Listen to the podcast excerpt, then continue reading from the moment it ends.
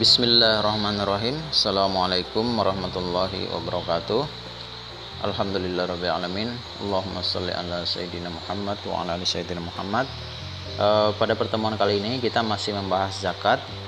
Nah, Setelah pembahasan ini kita akan melanjutkan ke pembahasan bab 4 Itu berkaitan dengan bab haji dan umroh. Nah kita masih membicarakan atau membahas zakat. Pada pertemuan sebelumnya melalui siaran ini juga kita sudah membahas tentang zakat ya Zakat itu artinya sesuatu yang hukumnya wajib ya, atau fardu bagi orang-orang yang mampu dalam hal kemampuan harta.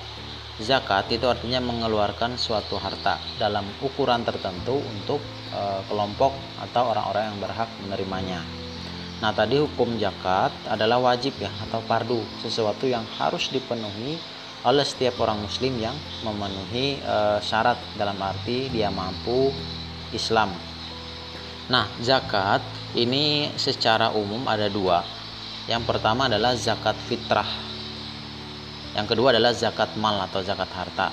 Nah, zakat fitrah kita sudah tahu semua, kita pasti pernah mengeluarkannya. Yaitu artinya adalah zakat yang wajib dikeluarkan oleh setiap muslim setahun sekali e, berupa makanan pokok atau bisa juga berupa harta yang lain misalnya uang e, yang dikeluarkan menjelang hari raya biasanya eh, pada bulan Ramadan menjelang akhir Ramadan itu dikeluarkan zakat fitrah. Nah itu ya zakat fitrah ini sangat mudah memahaminya. Nah syarat zakat fitrah itu yang pertama adalah harus orang Islam. Artinya orang yang mengeluarkan atau menyerahkan zakatnya adalah e, Muslim. Yang kedua e, zakat fitrah ini diserahkan sebelum e, tibanya hari raya Idul Fitri. Nah, berarti sesudah sholat maghrib begitu uh, Ramadan selesai, nah kita harus mengeluarkannya. Jangan sampai zakat ini terlewati sesudah sholat Idul Adha. Nah, sesudah sholat Idul Fitri maksudnya ya. Kalau sudah sesudah Idul Fitri, maka zakat bukan zakat lagi namanya itu sedekah. Artinya kita melalaikan kewajiban zakat. Nah, yang ketiga syaratnya adalah memiliki kelebihan harta. Nah, zakat fitrah tadi eh, yang dikeluarkan berupa makanan pokok itu makanan yang kita makan sehari-hari, misalnya nasi atau kurma misalnya di Arab atau gandum atau ubi-ubian misalnya di daerah lain. Itu sekitar eh, jumlahnya adalah dua setengah kilogram. Eh, bisa berupa beras, misalnya berupa uang bisa dikalikan, misalnya satu eh, uang satu kilogram berapa rupiah misalnya ada yang 10 ribu 15 dan lain sebagainya sesuai yang kita makan. Itu zakat fitrah yang mudah memahaminya. Yang kedua adalah zakat mal zakat harta. Ini memang rumit pembahasannya karena banyak sekali jenis harta yang harus dikeluarkan.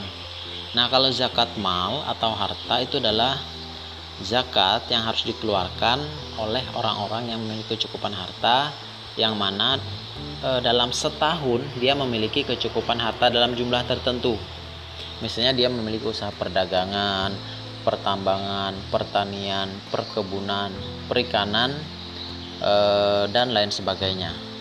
Ketika dalam e, dalam masa satu tahun itu mencukupi misalnya misalnya dia memiliki peternakan sapi dalam setahun dia memiliki sapi sebanyak 50 ekor maka dia harus mengeluarkan zakatnya di situ sesuai dengan ketentuan Nah, misalnya syaratnya di sini zakat e, harta atau zakat mal ini adalah memiliki harta yang halal dan baik. Yang kedua, hartanya harus milik sendiri, milik penuh. Yang ketiga mencapai nisab atau ukurannya. Misalnya ukuran sudah setahun, kemudian memiliki e, ukurannya. Misalnya ternak tadi misalnya ketika sudah mencapai 50 ternak sapi atau kerbau, maka itu harus dikeluarkan zakat pada orang yang berhak menerima. Orang-orang yang berhak menerima zakat itu ada delapan. Yang pertama adalah orang miskin, yang kedua adalah orang fakir, yang ketiga adalah amil atau pengurus zakat, yang keempat adalah orang yang dalam e, perjalanan, dalam arti dia melakukan musafir untuk tujuan kebaikan. Yang kelima adalah mualaf, orang yang baru masuk Islam, agar e, hatinya kokoh ya ketika masuk Islam tidak goyah dan lain sebagainya. Selanjutnya adalah orang yang memiliki hutang banyak, kemudian dia tidak mampu membayar e, membayar hutang, maka dia bisa diberikan zakat. Kemudian orang yang berjihad di jalan Allah, seorang yang berperang di zaman dulu misalnya, kemudian atau guru-guru agama karena mereka ada berjihad. Selanjutnya adalah orang yang e, berjuang di jalan Allah. Selanjutnya yang terakhir adalah hamba saya atau budak. Itu adalah orang-orang yang berhak menerima zakat. Nah, di Indonesia zakat ini diatur ya dalam undang-undang itu undang-undang nomor 23 tahun 2011 tentang pengelolaan zakat agar zakat ini bisa diatur dikelola dengan baik. Nah, itu materi penga- e, Bapak semoga bisa disimak dengan baik. Assalamualaikum warahmatullahi wabarakatuh.